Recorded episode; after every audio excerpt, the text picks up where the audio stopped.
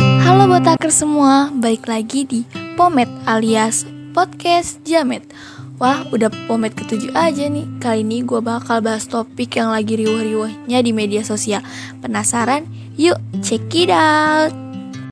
Nah guys, di sini ada tiga topik yang lagi rame buat di dunia maya. Biar gak ketinggalan, simak ya tiga-tiganya. Jadi, topik pertama itu tentang pelecehan seksual Raffi Isma Izamala.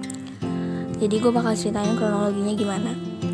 Pada tanggal 13 Agustus 2019, sekitar pukul 9.30 pagi, ada seseorang yang sengaja membangunkan korban dan melihat ada bayangan tinggi keluar dari kamar korban. Korban yang belum sepenuhnya sadar dan korban kira itu orang yang dia kenal. Lalu, korban mengikuti orang itu ke ruang ganti di mana Orang itu bersembunyi di pojok dan berbalik saat korban datang. Lalu, dia memukul korban dengan benda yang diyakini adalah sepotong besi sampai korban pun berdarah dan hampir pingsan.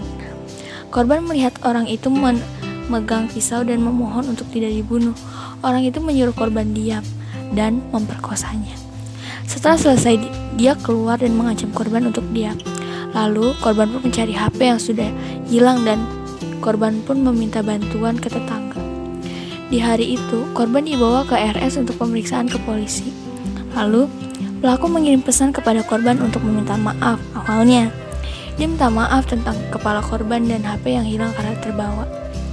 Pelaku bilang, dia tidak bermaksud menyakiti korban, melainkan hanya ingin having sex. Lalu pelaku pun mengancam untuk tidak melaporkan ke polisi.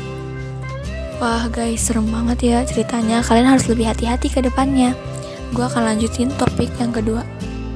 Jadi, kasus kedua tentang youtuber asal Bali yang berkuliah di Rusia, yaitu Turah Partayana, yang diduga melakukan pelecehan seksual. Kasus ini tidak hanya satu, melainkan ada oknum yang menutupi kasus ini. Dan korban juga diberi ancaman.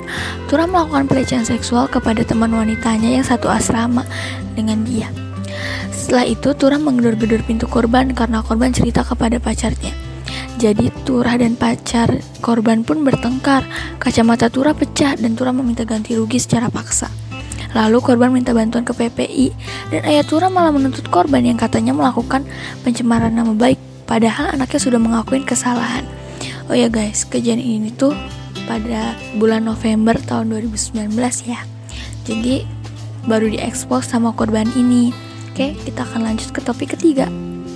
Jadi topik ketiga ini tentang LGBT Kalian tau gak sih guys kabarnya Dita, Reza Rahadian, Afgan, Rosa, Tulus, Nicholas, dan Yura Yunita ini masuk ke dunia LGBT Kalian percaya gak?